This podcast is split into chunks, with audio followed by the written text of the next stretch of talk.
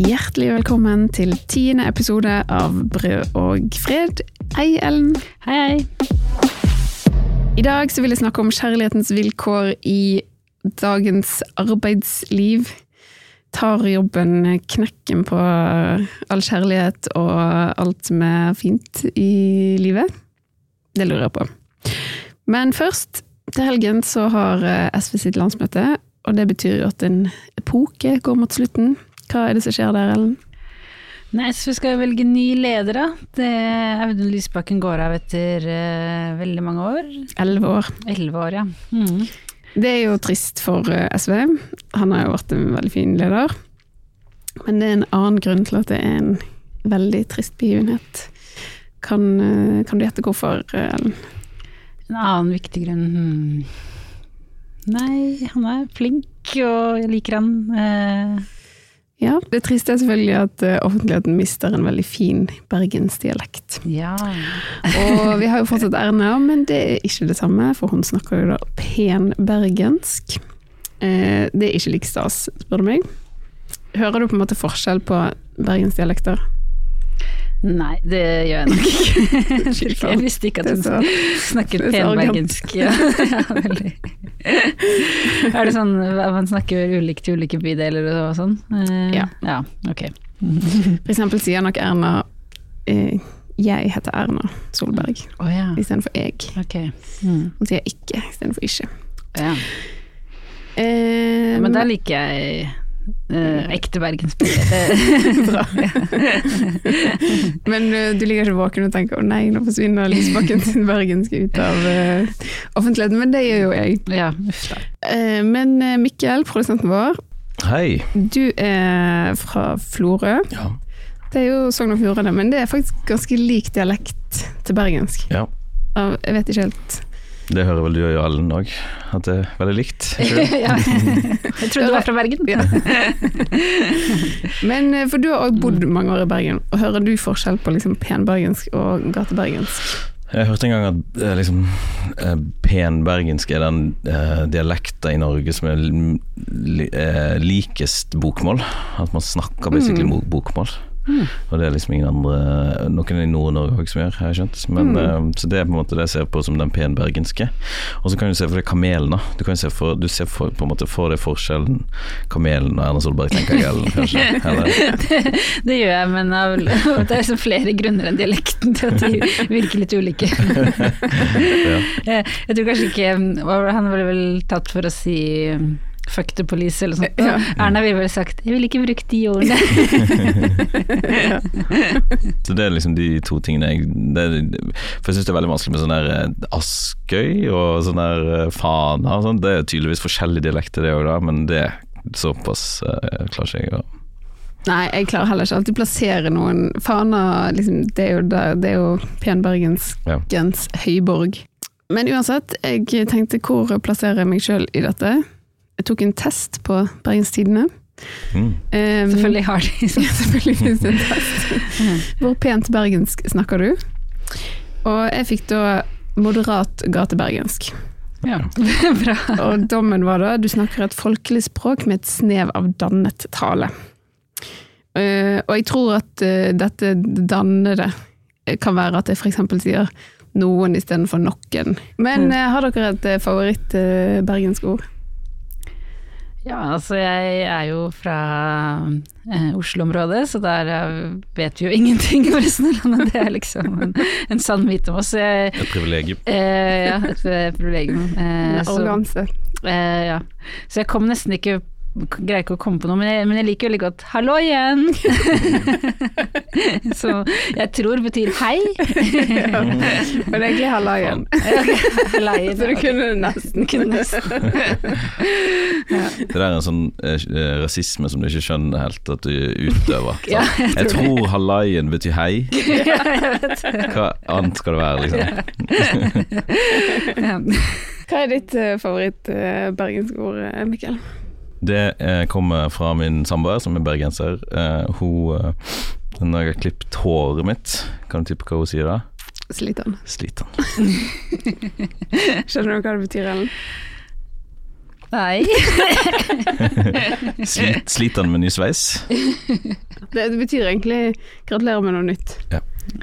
Men så betyr det vel bokstavelig talt eh, eh, slite ut, eller liksom Ja, bruk det Mm. godt. Slit, sliter han ut, liksom. Ja. Mm. Mm. Så det er jo et kjempebra ord. ja, det var det. Som jeg syns vi skal spre til resten. det er litt Jeg føler, gratulerer med noe nytt, at det liksom kan oppsummeres i ett ord. Det, det var Ja, kult. uh. Eh, mitt favoritt eh, bergensord, eller i hvert fall som jeg tror brukes mye mer i Bergen enn andre steder, det er jo da opplett. Og det betyr jo da pause i regnet. Det syns jeg er fint at man setter pris på liksom de små pausene som er i regnet på Vestlandet. Ja. og når vi hørte dette på redaksjonsmøtet, så reagerte jeg på det, for jeg tenkte er ikke det et helt vanlig ord? Eh, men Ellen, er det, er det det, liksom? Eller er det vestlandsordet? Ja, nei, jeg hadde aldri hørt det før, men det er oppholdsvær, da. Er det det? Ja, men oppholdsværet varer jo kanskje litt lenger, da. Ja, opplett er sånn kort. Ja. Nå har det sluttet å regne, du må Mm. løpe ut altså, i ti minutter, for det er opplett, liksom. Ja, okay. Um, Da, da takker jeg for meg. takk, takk for innspill. Mm. Men jeg kommer i hvert fall til å savne Lysbakkens eh, fine bergensrøst. Um, så uh, han har jo brakt det beste fra Bergen inn i offentligheten i et tiår. Derfor har vi da satt sammen en liten Best of bergensk med Lysbakken, som vi alle kan høre på i de stundene der vi savner bergensdialekten ekstra mye. For de mange, ikke for de få. Det har gått så det griner på børsen. Og de som ikke har råd, får ikke være med på lek. Får ikke være med på lek. Får ikke være med. Stemmen din teller. Det skal ikke koste mer for tannhelse enn for andre helse. Det skal ikke koste mer. Det skal ikke koste mer. Jeg har en hilsen til Sylvi Listhaug. Jeg vet hva du pønsker på.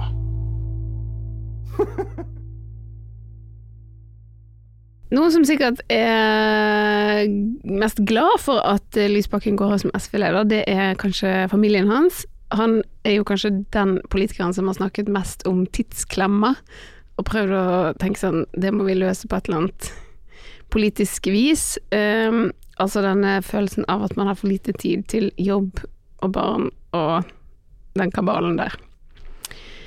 Um, og nå venter vi jo begge vi to barn, Ellen. Og jeg tror jo ikke det blir før neste år, kanskje, med sånn barnehage og jobb og kombineringen av det, at vi kommer til å kjenne på liksom tidsklemma skikkelig. Det er iallfall det jeg tenker nå. Mm. Um, men i løpet av dette året så skal jo begge slutte å jobbe en stund, og hva Altså, vi skal i foreldrepermisjon. Mm. Tror du at du kommer til å savne å jobbe? Veldig godt spørsmål. Jeg vil i utgangspunktet si nei. Eh, for jeg eh, gleder meg veldig til å liksom ha, ha fri og bare konse på noe helt annet. Og, og jeg elsker å ha fri. Og, og, eh, og ferie, og det gjør jo nesten alle. Det er jo derfor hele Danmark eksempel klikker når regjeringen prøver å fjerne en fridag og sånn. Det, det er jo ikke rart. Eh, men samtidig så merker jeg sånn jeg jeg tenker på jobb hele tiden, fordi jeg syns det er gøy. Og jeg er jo redaktør, ikke sant? så jeg har satt i gang prosjekter med, masse ulike forfattere. Noen skal være ferdig denne våren, noen til høsten, noen neste år. Så det er masse sånne ting som er ute i lufta, og så at jeg liksom skal slippe det. Og ikke følge det videre. Det føles liksom vondt igjen, og jeg bare har ikke lyst. Så jeg tror jeg kommer til å, jeg tror jeg kommer til å savne det. Men da samtidig at det blir veldig fint. Begge deler, da. Mm. Ja. Eh, jeg tror, eh, tror litt det samme, og jeg tror det òg er litt sånn eh, For vi er jo ganske heldige som liker jobbene våre. Jeg så en sånn undersøkelse eh, som var gjort blant folk som jobber i Vest-Europa, og da var det én av ti som svarte at de er engasjert i jobben sin. Oi. Ja. Det er veldig få. Det er ikke overraskende tall, men det er et trist tall, da. Herregud. Eh, når man bruker så mye tid på jobb, og så Ja. ja. Jeg tror eh, at eh, eh, det blir fint å ikke jobbe en stund. Det blir jo òg sikkert litt uh, umulig, siden vi forhåpentligvis får eh, noen eh, levende barn i løpet av året. Mm. Um, og ja, akkurat det vil jeg bare nevne sånn apropos forrige episode. Når jeg hørte gjennom den, der snakket vi jo om det å få eh, Hvorfor man vil ha barn, og jeg eh, ja, bare kjente at jeg ble litt sånn flau over hvor mye jeg fniser og ler når jeg snakker om uh, å være gravid igjen. Og da, etter å ha mistet barn sent i svangerskapet, da tenker jeg jo mest på Hvis det er andre som har mistet, så hører jeg dette og tenker at jeg høres helt uh, uh, Eller fremstiller det veldig lett å være gravid etter å ha mistet. Det er ikke meningen. Det er sikkert uh, en nervøs latter, en forsvarsmekanisme for å holde litt sånn gråt og angst i sjakk. Ja. Så det gjør jeg visst nå òg, hører jeg. ja. Jeg vil i hvert fall ikke fremstille det som at det er sånn enkelt og greit og noe å bare le seg gjennom å være gravid igjen. Så det vil jeg nå i hvert fall bare få sagt. Ja. Men i hvert fall eh, Etter hvert kommer vi kanskje i denne tidsklemma, da. Mm. Mer enn nå. Jeg føler jo ikke at jeg har altfor mye tid nå heller. Nei, det er noe med det. Jeg føler ikke at jeg har en akutt eh, tidsklemme heller. Nei. Ehm, men uansett eh, om man eh, får barn eller ikke, så tenker jeg de fleste av oss skulle vel gjerne ønske at man kunne jobbe litt mindre. Mm. Ehm, også de som har jobba de liker godt, og de som har jobba som de ikke liker godt, vil sikkert i hvert fall jobbe mindre. Eh, for man vil jo ha mer tid til det som er gøy og viktig. Være med venner, familie, kjæreste. Holde på med en hobby. Mm. Lage god mat. Ja. Slappe av. Mm. Det er jo den, eh, den gamle klisjeen med at eh, ingen ligger på dødsleiet og sier 'jeg skulle ønske jeg var mer på kontoret'. Nei, sånn. Ja, det er altså, ja. At um, vi eh, Og vi er jo liksom opptatt veldig mye av, av fritid. Sånn hver gang det blir et nytt år, så kommer vi med en gang sånne oversikter sånn Sånn faller de røde dagene i år, så mye fritid får du, liksom. Ja. ja. Og sånn seier hvis man, det blir en lang helg, eller yep. Ikke sant. Mm. Jeg tenker dette er også sånn, veldig sånn tegn på sånn hyperkulturen, da. Vi Mm. jobber masse, vi føler vi har dårlig tid. Det er liksom ting vi skal rekke. Selv om det er på en måte gøye ting vi har lyst å skulle rekke, så er det sånn Hvorfor har vi stilt oss sånn at vi ikke har tid til å gjøre de tingene som er bare gøy, da? Eller liksom Mm. at vi føler vi ikke har nok tid til å være med venner, eksempel. er jo Mm. ganske kjipt. Så eh, jeg lurer på hvorfor godtar vi at vi jobber så mye? Og med vi, så mener jeg ja, faktisk folk i Norge som jobber 37,5 timer i uken. Fordi eh, det er ganske mye. Mm. Eh, jeg tror jo at vi liksom Jeg tror vi er blitt lurt. vi har blitt lurt til å tro at vi jobber lite nå, fordi arbeiderbevegelsen har liksom kjempet frem mer ferie, kortere arbeidsuke. Eh, og det stemmer jo. Mm. Det stemmer, eh, men det er jo Det er bare hvis man har et kort tidsperspektiv. Ja, ikke sant. Det har jo ikke vi i denne formen.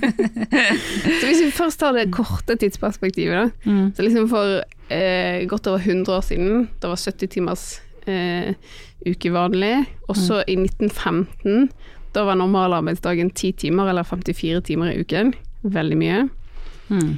Eh, og nå er det jo da 37,5 timer, som er en normal arbeidsuke. Ja, for det var liksom arbeiderbevegelsens store seier at man gikk fra ti timer til åttetimersdagen i 1919. Eh, og det var en veldig stor seier som han som jobbet for i mange tiår. Eh, men siden den gang, og det er over 100 år siden, så har vi bare gått ned en, en liten halvtime til Mm. sju og en halv time isteden, og fått bitte litt lengre ferie. Men ellers da så har det ikke gått noe særlig ned. Nei, så det har skjedd veldig lite. Så jeg jobber kanskje sånn eh, Det spørs litt fra når man maler, men altså 16,5 timer mindre i uken enn for 100 år siden. Det er jo en del, men så må vi spørre gjør vi egentlig det? Ja. For hva har skjedd på denne samme tiden? Vi kvinner har begynt å jobbe.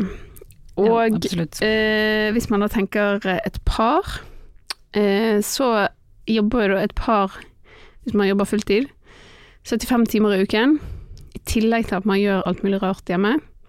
Og før jobbet jo kanskje mannen mange timer da, 40 timer, 50 timer i uken. Men kvinnen jobbet jo fall litt mindre, eller hun jobbet jo hjemme da, Mm. og gjorde jo eh, mange ting hjemme. Og da måtte jo forhåpentligvis mannen ikke gjøre så mye hjemme hvis han var eh, arbeid hele dagen. Nei, ikke sant. Så, Altså i sum er ikke det sikkert man jobbet så veldig mye mer. nei, trolig mindre, hvis, hvis liksom halve, nesten alle kvinnene, halve arbeidsstokken, har gått inn i det liksom Mm. regulære arbeidslivet. Og samtidig jobber bare, er det bare litt kortere. Mm. Så, Mens nå må jo begge ha lønnsarbeid, og begge gjøre ting hjemme. Og hvis man bor alene, så må man både eh, tjene alle penger sjøl, og gjøre alt husarbeid sjøl. mm. Og da er det jo det er det én million nordmenn som gjør, altså bor alene. Det er veldig mange. Mm. Absolutt. Og så er det klart at det har jo kommet noen oppfinnelser som gjør at kanskje husarbeid og den biten er litt lettere nå, og vi kan på en måte bare gå i butikken og kjøpe mat, og ting er lett, og vi kan vaske klær i vaskemaskin. Så det er jo på en måte håndterbart for de aller fleste. Men jeg føler at vi kan liksom ikke legge listen på håndterbart. Vi må sikte høyere, sikte etter noe bedre. Vi, vi må sikte på bra, godt, uh, mye tid. Mm, absolutt. um, så uh, selv om lønnsarbeidere jobber mye mindre nå enn for 100 år siden, så jobber vi veldig mye mer enn for mange tusen år siden. Ja, det Eh, for den ideen om at vi liksom har kjempet så hardt og vunnet veldig frem, det stemmer ikke helt. Vi har egentlig blitt litt lurt. mhm. Eh, det er I en artikkel i Financial Times så skriver en antropolog som heter James Susman om dette. Eh, det er en artikkel fra 2020. Og han sier at historisk sett så jobber vi nå mer enn vi har gjort i 95% av Homo sapiens historie. Oi, shit, det var uh, heftig. ja, det er helt uh, sjukt. Og så stort sett så- har mennesker alltid jobbet mindre. Og det trodde jeg liksom ikke. Jeg har sett for meg at sånne jeger-samlersamfunn, der har de liksom styrt på døgnet rundt for å samle nok eh, nøtter og vet ikke løver til å spise. Eller noe sånt. ja. ja, og også bondesamfunnet, at man liksom alltid eh, opp i omma og gjøre liksom arbeidet helt til man stuper i seng i kvelden, at det aldri tar slutt. eh, At man, og er man fisker, så skal man liksom enten ut eller reparere garn. At Ja. sånn, sett for meg at det var så veldig mye jobb da i gamle dager. Ja. Men eh, Han mener da Han mener eh, at det ikke alltid har vært det. Men du begynte å snakke om eh, eh, jordbruk. Det skal vi tilbake til eh, senere. eh, men det han skriver er at vi liksom oppfant noen ting. Vi oppfant noen verktøy, sikkert noen sånn klubber eller kniver og litt sånne ting. Og eh, at vi klarte å lage ild. mm, Det gjorde at vi kunne bruke mindre tid på å mat. Eh, altså det ble sikkert mer effektivt med både samling og dreping av dyr og tilberedning av mat og sånn. mm. Eh, og vi kunne spise flere ting når vi kunne koke eller grille dem. Og det at vi sparte så mye tid, det, det mener han da at det, er liksom en av tingene som gjorde at vi utviklet språk. Oi, spennende. For nå hadde vi liksom tid til å snakke sammen. I, i motsetning til uh, vårt uh, søskenbarn gorillaen, Mm. som må bruke elleve timer om dagen på å liksom få tak i og, og tygge mat. For de spiser mat som de liksom må tygge Mm. for å kunne fordøye det eller noe. Ja ja, sånn som også koalabjørn bruker vel 20 av 24 timer på å fordøye de bladene de spiser, Ja. liksom. Ja. Så det, det har vært veldig viktig til og med for språk, og ja. Han snakker òg om en stamme som heter Yuhuansi-stammen, som levde i sørlige Afrika. Siden menneskehetens opprinnelse, rett og slett. Altså veldig lenge siden. Ja. Og de var jegere og samlere, og jeg skjønner ikke hvordan arkeologer har funnet ut av dette, men de tror at de levde bra, de hadde nok mat. De hadde ganske høy levealder, på en måte, i hvert fall høyere enn man kanskje skulle trodd. Eh, og de jobbet kanskje 15 timer i uken. Hmm. Litt usikker på hvordan de har regnet ut at mennesker for flere hundre tusen år siden jobbet eh, 15 timer i uken, men det har de i hvert fall gjettet litt på, da. Ja. Eh, og en av tingene som også er interessant, er at i disse samfunnene, mener arkeologene, så var det helt eh, uhørt å ville liksom eh, samle og akkumulere ting og mat og rikdom for seg sjøl. Mm. Det var liksom eh, alt, alle ressurser måtte deles. Mm. Så det ga jo òg heller kanskje ingen insentiv for å eh, i hvert fall ikke noe personlig insentiv for å eh, gjøre mer enn nødvendig, men Mm. det var vel bare Ting fløyt fint. Mm, ja, holde det gående, liksom. Eh, ja. Ja, det var i hvert fall ikke homo economicus eh, som, som eh, bodde i denne stammen. Eh, og det høres jo litt sånn forlokkende ut. Da de jobbet fem timer i uken, resten av tiden kunne de Mm. Chi- Chille. bade, chille, jeg vet ikke. ja, ikke sant. Nei. Og eh, utvikle språk og snakke sammen. Ja. det høres jo fint Veldig ut. viktige ting. Ja. Eh, vil vi tilbake dit? Ja, bortsett fra liksom eh, det der med, med hulen og så- sånn. Det er liksom det er eh, mye sånn komfort vi har i dag, og ikke minst også kur for sykdommer og sånn, som eh, er litt kjekt. eh, Ja. ja. Men um, Jeg er litt enig i det. Det fins en del bra ting med det moderne samfunn. Teknologi, medisin, komfort, bedre Mm. mat. ja. Ehm, så jeg tror at uh, man vil jo på en måte at flere oppgaver skal bli gjort enn kun uh, at man sørger for nok mat til alle. Mm. Uh, men uansett, hva var det som kom og ødela denne idyllen som det tilsynelatende var i dette stammesamfunnet? Det var selvfølgelig jordbruksrevolusjonen. ja. Den har vi jo snakket om før òg. Stadig inne på det. Det er den som er kimen til hyperkulturen. Det er da hyperkulturen begynner. Jeg syns podden burde bli sponset av sånne paello-produkter eh, snart, fordi vi liksom er så Er det sånn steinalder? Det er sånn steinaldermat. Altså det er helt utrolig hvis noen klarer å uh, markedsføre og selge ting som på hele Ikke poenget bare det skal være helt naturlig, Jo, det er det vel. Ja. men det blir mest ekte hvis man putter det i en plastpakke og skriver 'steinalderdietten' på. Jeg vet ikke om det, finnes, jeg bare gjetter at vi gjør det. Men uansett, vi skal da 9000 til 7000 år før vår tidsregning, altså tilbake i tid. Mm. Eh, det var da man begynte å dyrke mat. Mm. Og da begynte man å jobbe mer. Eh, vi måtte liksom passe på det vi dyrket og sånne ting, og arbeidsinnsats ble veldig viktig, da. Eh, og ja, hele tiden. Og, da, og det gjorde jo også at flere befolkningen vokste, for man klarte å ha mer mat til å fø på flere. Men også ble jo befolkningen sårbar for flom og tørke og sånne ting. Mm. Ja. Men siden jordbruksrevolusjonen så har det på en måte ballet på seg, og vi jobber mer og mer. Eh, selv om det kanskje er litt, litt mindre lønnsarbeid akkurat de siste hundre årene.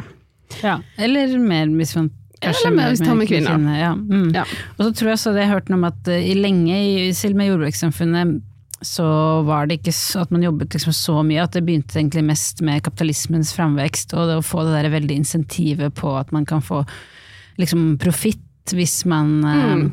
jobber liksom ekstra hardt, da. Eh, og, eh, men at mange, eh, i også jordbrukere, hadde mer sånn intensive tider, sånn under slåtten så var det mye under vårånda og så videre, mye jobb, men ellers eh, også ganske mye færre arbeidstimer enn det vi har nå. Eh, så det eh, er jo interessant å merke seg. Absolutt. Mm.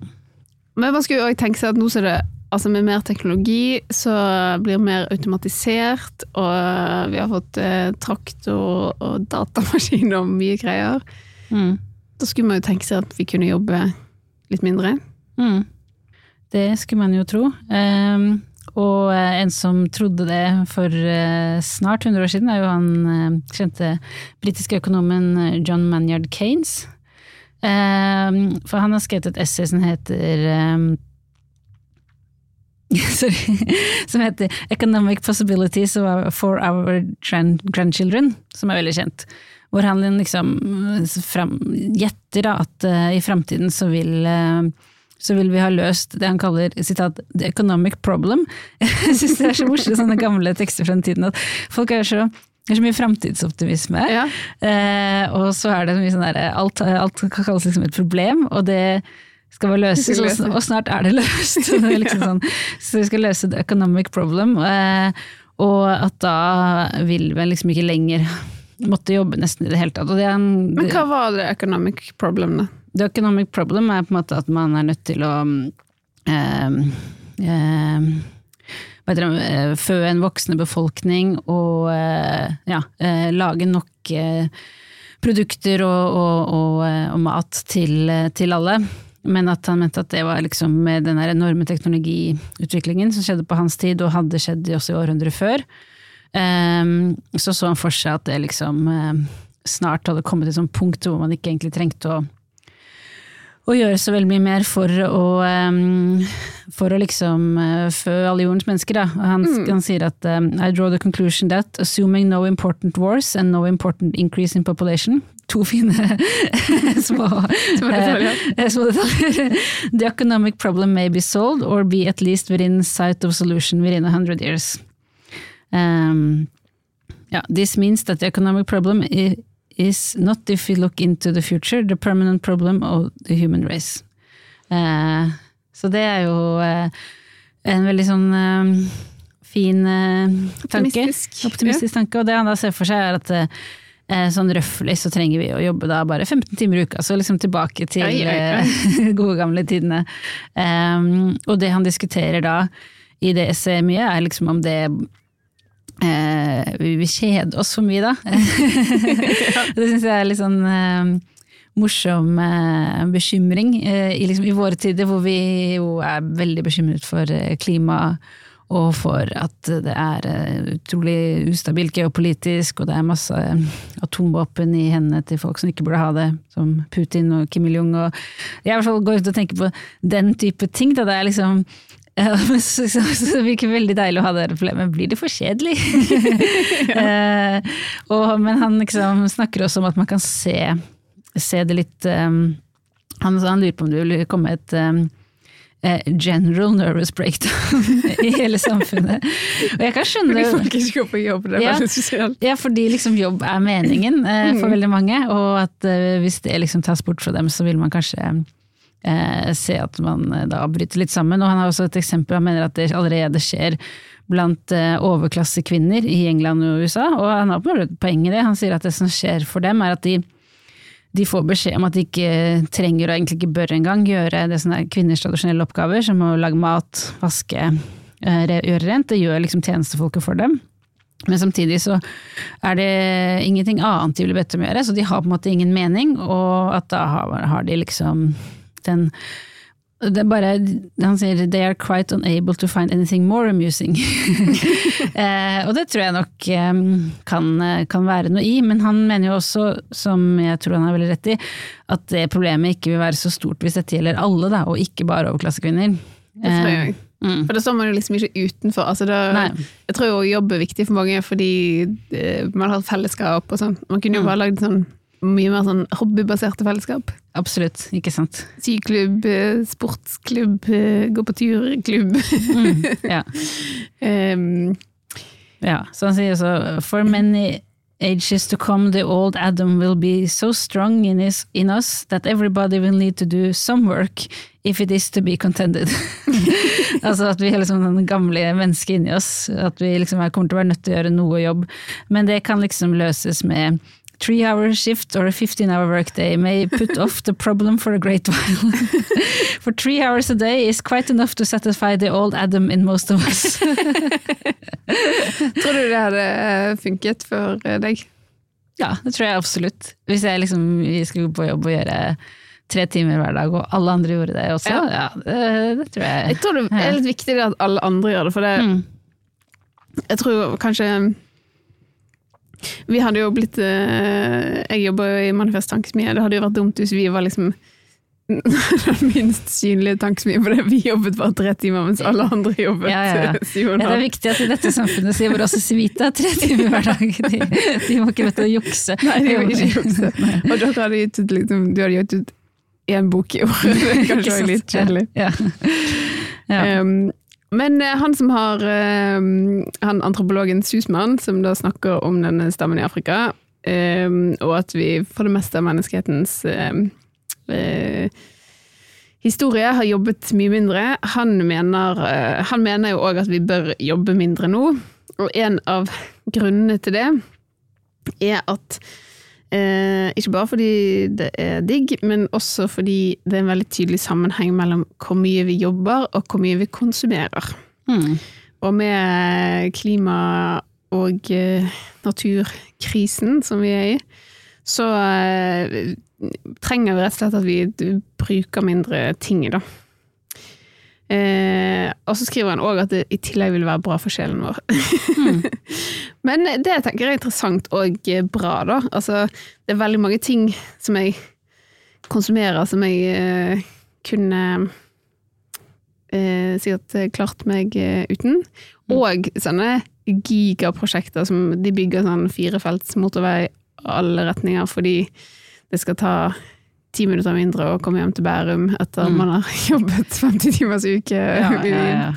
i, i finansverdenen i Oslo eller et eller annet, eller andre jobber. Ikke sant. Eh, hvis man har jobbet mindre, så hadde man jo òg hatt tid til å kjøre eh, Mm. Eller ta bussen, for så vidt. Toget. ja, ja, ikke sant. Og også sånn med, med ferier, eller liksom sånn eh, klimabok som sier at ja, vi eh, vi må liksom kutte forbruket, men ikke sånn ekstremt, kanskje ned til liksom nivået som var i 1978. Og da en familie da, eh, i Tyskland, da, det var hennes eksempel, hvis den skulle på utenlandsferie da, så tok den liksom kanskje tre uker fri, og så kjørte til Italia, ikke sant, så Mm. ingen fly. Og det kan man jo det er jo ikke liksom sånn 'å nei, jeg må ofre kjempemye hvis jeg må gjøre det', hvis jeg må ta tog eller noe på ferie isteden. Men da trenger man mer tid, da. Ikke sant? Uh, mm. Så jeg syns det gir eh, veldig mening uh, at det kan være både bra for oss og klimaet, hvis vi har mulighet til å jobbe mindre. Mm. Og konsumere mindre også. Men det er ikke sånn kjempemange politikere som snakker om dette, selv om MDG kanskje snakker litt om det. Jeg vet ikke om SV og Rødt og kanskje nevner det av og til, men eh, Nei, det er veldig, veldig litt oppe eh, fra liksom politisk hold. Det er jo veldig sånn oppfordring til liksom det motsatte, egentlig. Når folk liksom prøver å eller snak, eh, jobbe mindre, så Kvinner gjør jo ofte det, sånn, velger å Mm. jobbe deltid når de er små barn, sånn, så får man jo mye sånn derre Men da får du mindre sykepenger, du får mindre pensjonspoeng, du, du, må, du må være eh, det burde du ikke gjøre, det er farlig nesten, og liksom, det er veldig sånn oppfordring til å jobbe mye, og Mm. arbeidslinjen og alt mulig. Så jeg leste faktisk et liten sak i Klassekampen om at eh, finansminister Vedum hadde holdt et foredrag på Universitetet i Oslo nå 22. februar, og da så snakket han at liksom, på tross av alle de mørke skyene for tiden, og krigen i Ukraina og eh, høy strømpris og sånn, så mente han at liksom, framtiden ser god ut for norsk økonomi. Og da ble han spurt av journalisten hva legger du i at folk skal få det bedre, egentlig? For han sa at ja, folk kommer til å få det bedre i framtida også. Litt sånn sånn Keynes, og sånn, det blir bare bra for barn og barnebarn. Og da sa han, svarte han sitat, at folk skal få litt større økonomisk handling, handlefrihet. Folk vil ikke bruke den, folk vil velge å bruke den ulikt. Noen vil kjøpe seg hytte, mens andre vil kanskje ha mer fritid. Den økonomiske veksten som vi har i Norge skal uansett gå til de mange også i framtida. Det er målet. Og da jeg leste, så ble jeg sånn herre Noen vil kjøpe hytte, andre har mer fritid. Jeg ble, nesten sjokkert, fordi jeg føler at politikere aldri sier det. Og det første jeg tenkte var sånn, ja da velger jeg fritid, ikke hytte. Men samtidig, eh, hvordan ser han for seg at man bare skal ta seg litt mer fritid, altså individuelt? Det, altså, hvis man prøver å gjøre det individuelt, da, så får man jo problemer med arbeidsgiver, man får problemer med Nav, man eh, blir litt outcast. Altså, dette burde jo virkelig gjøres samlet, på en måte, Ja. sånn som det har blitt gjort før. Jeg kan ikke helt se for meg at noen vil velge det, fordi det er liksom ikke lagt opp til det. Men skal det være sånn at de som da tjener eh, Altså middelklassen skal si sånn ja, men jeg har Jeg kan ta meg råd til å jobbe 60 eller 80% og så må alle som har de kjipeste jobbene med lavest lønn, de må jobbe 100 for å få det til å gå rundt. Det høres jo ikke rettferdig ut i det hele tatt. Nei, det er jo et annet aspekt, og det er vel litt det det høres ut som. Mm. Foreløpig så føler jeg at liksom, middelklassen, også de som har råd til det, velger jo aldri å gjøre det. Mm. Men kanskje Vedum mener at i fremtiden vil de det, men igjen da, det er jo ikke rettferdig i det hele tatt hvis noen kan gjøre det og ikke andre. Um, Nei, det, men det er jo interessant han tenker det, da. At, eh, for, for jeg tenker jo også når man snakker om sånn å, arbeidskraft i fremtiden, vi har for lite folk, vi har for lite eh, helsepersonell, men vi er òg avhengig av at alle som kan jobbe, jobber masse, fordi mm. vi blir så mange pensjonister. Bla, Ja, ja, og får færre barn og bla, bla. bla, bla. Mm, ja. Men det er jo flott at Vedum er åpen for det. Ja, det er fint, men samtidig også veldig fascinerende. Sånn vi får mer handlefrihet, og den vil folk bruke ulikt. Det er liksom ingen sånn tro på at uh, ikke sånn, vi skal jobbe for sekstimersdagen for alle, Nei. det blir bra. Nei, det er veldig eh, Sekstimersdagen er en fascinerende ting med at liksom, alle elsker jo eh, mer fritid, føler jeg. Og det er som sagt disse artiklene hver rett etter nyttårsaften 'Sånn blir de røde dagene i år', videre. Men samtidig så er det blir liksom krav om sekstimersdag sett på sånn, sånn eh, liten ting som særlig kvinner i LO maser om, og som aldri kommer høyt, høyt på agendaen, og som aldri liksom virkelig får vind i seilene. Det er eh, Nei, altså. Kanskje noen i LO snakker om, men det er liksom aldri hovedkravet til noen. Nei, Eh, er lønnsforhandlinger og den type ting. nei, det har stått veldig stille. Som sagt, eh, mange, mange tiår siden vi gikk ned noe liksom sist. Ja. Ja. Men jeg så òg en undersøkelse der det sto at eh, et flertall Det var en del som var interessert i liksom, reduksjon i arbeidstid hver dag, men flertallet av de som ble spurt, ville heller da hatt en ferieuke til, på en måte. Mm. Men det er greit, det òg. Ja, det, er men det er også å jobbe mindre. Ja. Eh, eh, Tar, tar det òg. ja, enig. Men i tillegg til klimakrisen og alt sånt, da, så eh, tror jeg jo det å jobbe mindre eh, hadde vært veldig bra for kjærligheten. Mm. Vennskap, de viktige tingene i livet. Mm.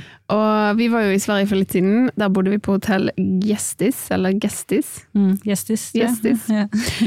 Eh, der var det masse bokhyller og artige bøker av alt. Og sånn som jeg forsto det, i hvert fall, så kunne man ta med seg en bok. Ja, Så jeg tok en bok. Jeg tror det var greia, ja. Man kan eh, ta med seg bøker. Mm. Ja, og jeg tok i hvert fall en bok som heter Du menneske? spørsmålstegn av Marit Paulsen, som faktisk eh, er norsk, eller var. Eh, Hun er død. Men hun eh, var født i Norge, men flyttet til Sverige eh, da hun var ung. Da. Hun var eh, industriarbeider en stund, og så tror jeg hun ble mer, altså så ble hun mer forfatter og kanskje journalist eh, etter hvert. Mm. Eh, men hun har i hvert fall eh, skrevet eh, denne boken i 1972. Og boken føles veldig som en sånn eh, eh, barn eh, av sin tid. Det er sånn utrolig sånn agiterende. Det er ingen tvil om at hun Målet med denne boken er revolusjon eller et eller annet. Fordi Det er fint. eh, det, det er veldig ja, Jeg skal gi et kort eksempel. Dette er da åpningssetningen i boken. Du arbeider, du gnor og sliter, natt og dag fra du, du slutter skolen til du får pensjon. ja, det var Det er livet fint å oppsummert. men eh, også veldig sant. Ja. Så hun vil i hvert fall at folk skal bli veldig opprørt eh, eh, over livet under kapitalismen, da. Det tror jeg er målet. Og hun eh, skriver da om en kvinne som jobber skift på fabrikk. Og det gjør både hun og mannen. De jobber på samme fabrikk, de har tre barn. Og det fins ikke noe barnehage eller noe sånt, og det er dyrt å ha flere barn, så begge må jobbe. Og det er et slit. Det tror jeg på. I tillegg må de jo da jobbe ulike skift, sånn at det hele tiden kan være noen hjemme med barna. Eh, Så de ser hverandre eh, nesten ikke det. Og idet den ene går fra nattevakt, så kan den andre komme på jobb. Og da, av og til hender det at eh, de ser hverandre. Men ikke alltid. Hun skriver om en morgen der de ikke traff hverandre. Da. Dette blir på litt sånn svorsk, tror jeg. Og så skriver hun eh, du eh, møtte inntil maken. Og da mener hun denne hovedpersonen, for det er akkurat hun forteller om livet til en kvinne i du-form. Det er Ja, litt ok. rar Ja. måte. Hmm. Um, du møtte inntil maken i dag. Han kanskje var sen. Anders bruker han i stjela tillære et snapt samtale når den ene går på skift og den andre går av. Et par fattige minutter, som en av oss stjel av bolaget, altså selskapet, for den ene bør gjøre jobbet presis på sekunden når den andre slutter. Så det at de da bruker to minutter mellom skiftene på å snakke med hverandre, det er da eh, at de stjeler litt fra dette selskapet som de jobber fra. For, så det virker jo eh, trist. Ja, at vi har så lite tid med hverandre.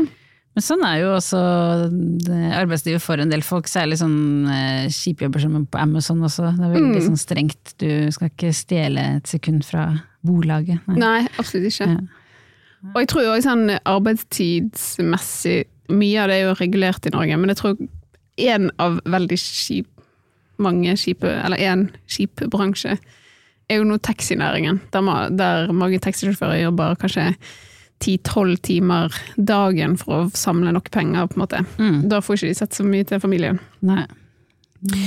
Eh, men 70-tallet det er òg da hemmafruens eh, tid. Eh, og hovedpersonen i boken hun eh, føler jo da, eller beskriver at det å, at hun må jobbe, det blir sett ned på. Hun er en dårlig mor som ikke tar vare på barna sine og er hjemme med de hele tiden. Mm. Eh, Men hun kritiserer tilbake. hun mener at eh, dagens barneoppdragelse, den tjener kapitalismen. altså eh, arbeidsmarkedet, da. Eh, og så er det en scene der hun beskriver hvordan en gjeng eh, hemmafruer, altså hjemmeværende mødre, eh, er på stranden med barna sine, og så kommer ungene løpende opp etter å ha lekt eh, i vann eller et eller annet, og de vil ha mat. Eh, men da får de beskjed om liksom fra at nei, nå skal mødrene først eh, drikke kaffen sin. Og så beskriver hun hvordan hun mener eh, eh, Ja, hva, hva det gjør med ungen å bli oppdratt på denne måten, da. For medan barnen venter på at de voksne skal drikke ferdig sitt kaffe, medan de venter på at kaffekoppen, sigaretten og struntpratet skal ta slutt, lærer de seg eh, nøye at være en ingenting. En blank null.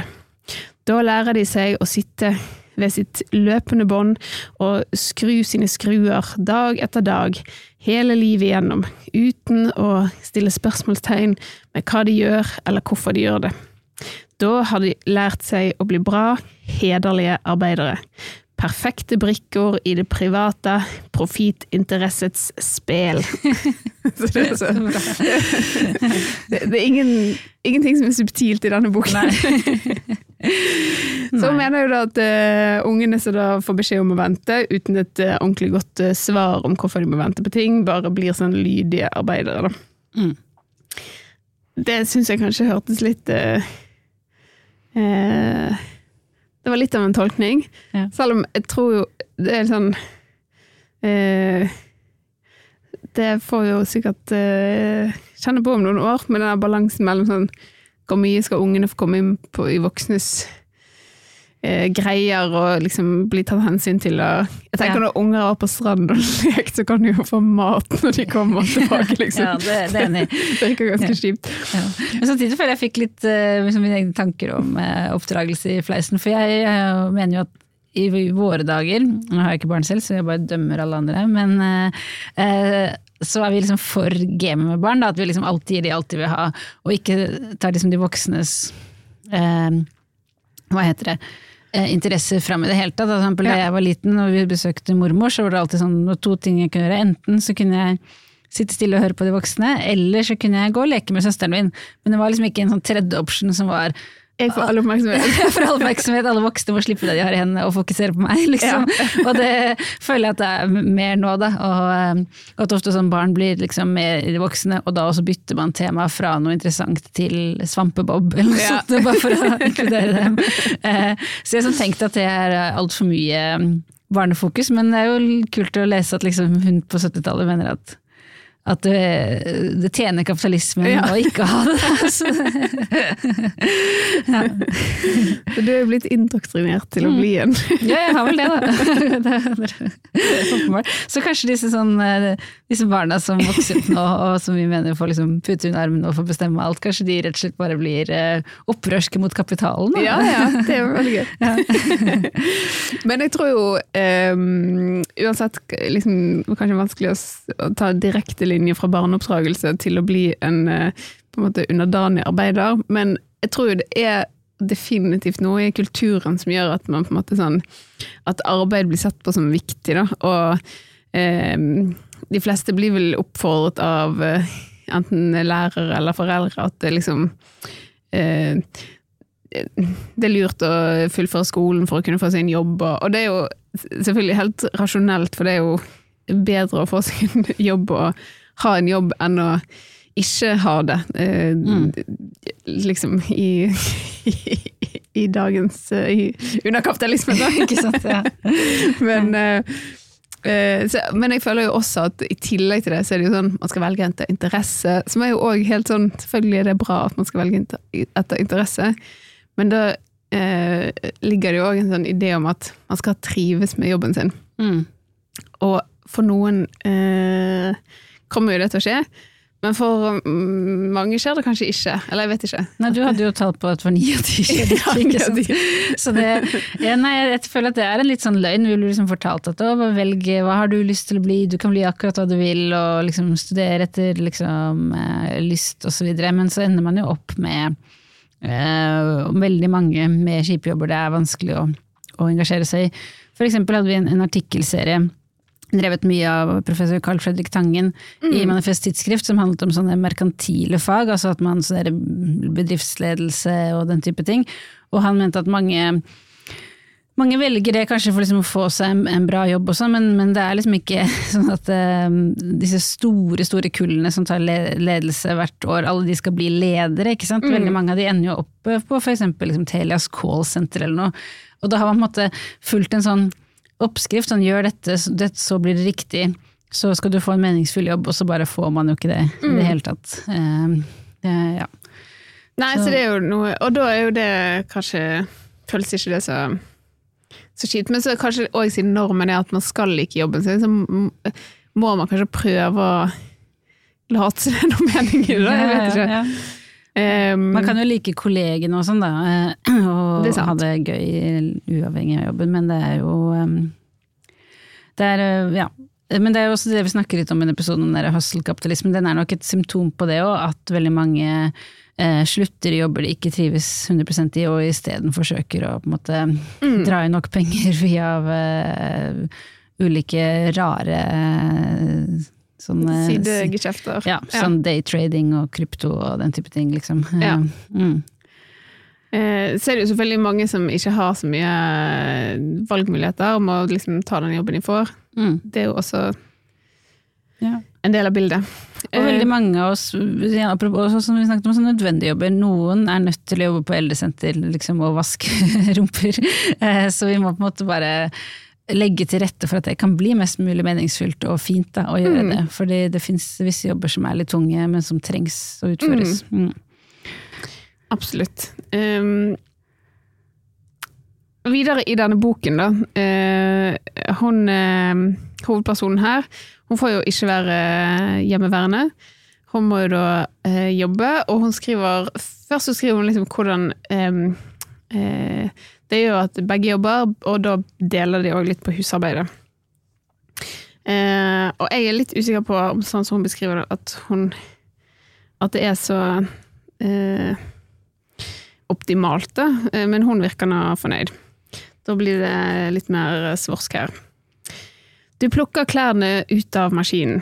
Usj, det meste er trasigt. Neste langledig får du plukka frem symaskinen og laga trasorna.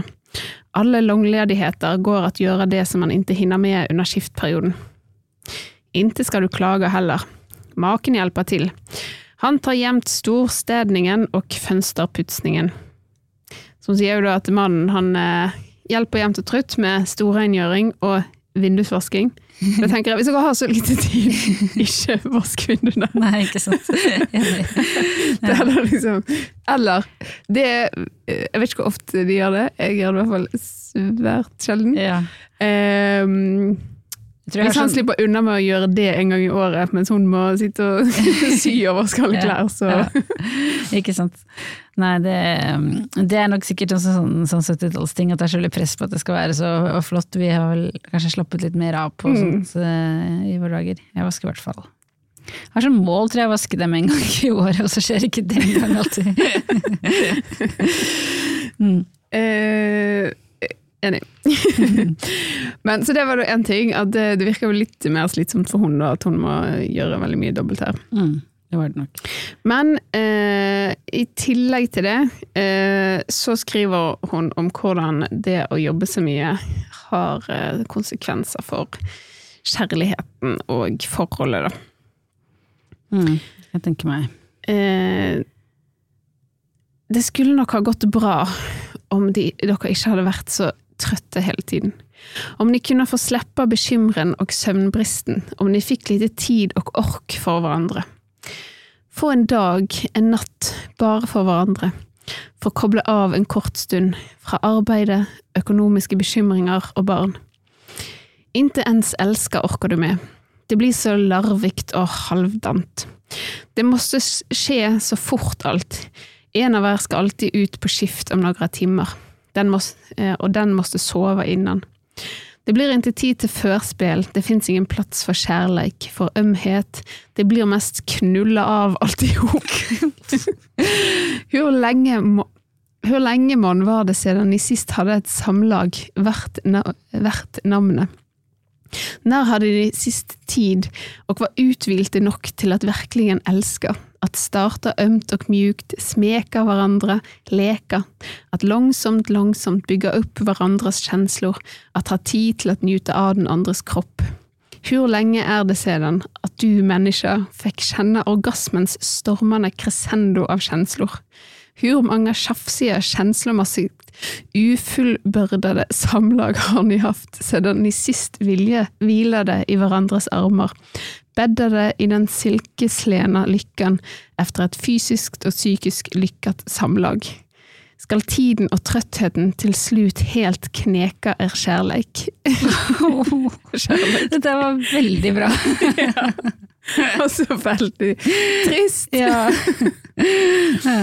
Nei, det var Det var Sånn går det når man må jobbe for mye. Ja, og det kom jo nylig nye fødselstall, at de er lavere enn noensinne i Norge. Ja.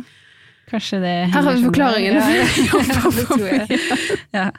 Ja. Selv om hun sa jo at de fikk til et knull av og til. Men, det kan jo være nok for barn. Men. Det er sant. Det er helt sant. Å, men uh, veldig bra. Jeg holdt på å si seks av seks. men ja, det, det, tar jo knekken på kjærligheten også i dag, selv om man ikke har så ekstreme skiftarbeid og sånn, tror jeg. Eller liksom, ikke knekken, da, men det er jo sånn klassisk sånn man hører jo om man hører hele tiden, både i offentligheten og fra venner, at småbarnsfasen er liksom helt ko-ko. Um, en venninne av meg hadde spurt søsteren sin sånn, uh, hvordan går det egentlig med forholdet, og da hadde søsteren svart hvordan skal jeg vite det, jeg har to barn! Nei. ja. Det er så trist. Ja. Morsomt. Det, det, det er morsomt, og så er det kanskje ikke så morsomt likevel. Nei. Nei. Men det er jo helt sinnssykt da, på en måte, Ja. at vi er, sånn, vi er sånn i det rikeste landet i verden, i hvert fall veldig høyt der oppe. Det er så mye penger her, ting er så på stell. Mm. Vi har et ordnet arbeidsliv, og likevel er det veldig ordnet arbeidslivet vårt. Det er greit, det er ikke så gale som hun Marit Paulsen beskriver i denne boken, at det er sånn skiftordning og man får aldri sett hverandre. Altså, det hun beskriver nok en litt mørkere hverdag enn de aller fleste av oss eh, har. Mm. Men eh, likevel er det jo sykt at dette er sånn problem kjempemange har. Man har for lite tid til eh, familie, kjærester, det man har lyst til.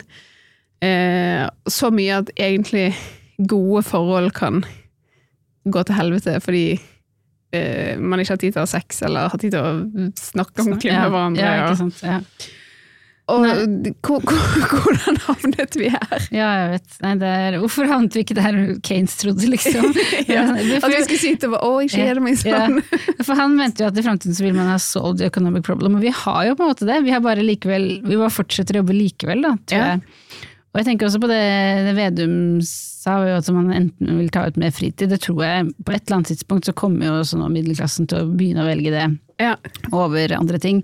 Eh, men det sitter veldig langt inne, og på vei dit så ødelegger vi mye natur. Han dro jo opp at eller kjøpe seg hytte, ikke sant. Hvis alle skal kjøpe seg hytte, så er jo ingen natur igjen, ikke sant, i det hele tatt. Og, men at liksom middelklassen skal begynne å ta mer ut eh, fritid og begynne å jobbe deltid, det blir vel sånn, da. Det er jo det er så jævlig urettferdig også. Vi kan jo ikke ha det sånn når vi har eh, kollektivt liksom greid å gå ned før, inntil nå, da. Um, det For det er jo på en måte lønnsforskjellene som òg gjør at det, det blir Altså, dette er min spekulasjon, da, men altså at det, eh, De gruppene som fagforeningene gjerne prioriterer, er jo lavtlønte eh, arbeidere, som jeg er helt enig skal prioriteres at de skal få høyere lønn, Mm. altså at det er et kjempeviktig krav, men da føler man at man kanskje ikke kan kreve masse, liksom ekstra penger pluss mer fritid. Eh, altså at man må velge, bla, bla, bla. Det sa vel akkurat eh, LO-lederen òg, sånn foran årets eh, Eller vårens eh, lønnsforhandlinger, at sånn ja, nei, men nå har vi blitt enige om hva som er våre prioriteringer, bla, bla. Mm. Men slutt å prioritere, si vi, vi vil ha litt mer penger, mest til de som har lite lønn, og de som har, har masse penger, de som har høy lønn, de kan bare få mer eh, fri. Mm. Ja, at det kunne også vært omfordelende. Ja. Mm. For jeg tror det er det som skjer, at hvert eneste lønnsforhandling så passer det ikke å kreve fritid fordi en del folk henger etter økonomisk, og, det, og nå er det jo også inflasjon og altså, Det er jo alltid prisvekst, så man må på en måte ha en, eh, en matchende lønnsvekst, men da blir det bare lønn hele tiden. Mm. Ja. Og samtidig er forbruket veldig høyt fra blant eh, veldig mange nordmenn. Mm. Så må man på en måte klare å først jevne ut eh, lønnsforskjeller, eller må man på en måte begynne å kreve det? Jeg tenker jo sånn eh, eh, Kanskje offentlig sektor, helsesektoren skulle gått for, foran, liksom. Men der er det jo dessverre mangel på arbeidskraft. da. Ja. Men det er sånn, dere kan, vi innfører sekstimersdag for alle som jobber i helsevesenet. Dere kan beholde samme lønn. Mm. Så blir det mer populært jobbe i Ja, helsevesenet. for det, jeg, tror, jeg tror det kunne rekruttert mer, fordi Ja. det, grunnen til at folk skyr helsevesenet er jo av dette med både at man um, Det er så vanskelig å få fast og hel stilling, eh, men at, at fast og hel stilling er for mye å klare av, da. At det er for, for hardt. Sånn at liksom hvis noe som tilsvarte 80% eller noe sånt ble den nye 100% så tror jeg det ville vært en mer attraktiv arbeidsplass også. Mm. Så det eh, tror jeg kan være en, en bra frontfag for Enig. Ja. Hva hadde du eh, gjort hvis du hadde fått mer eh, fritid?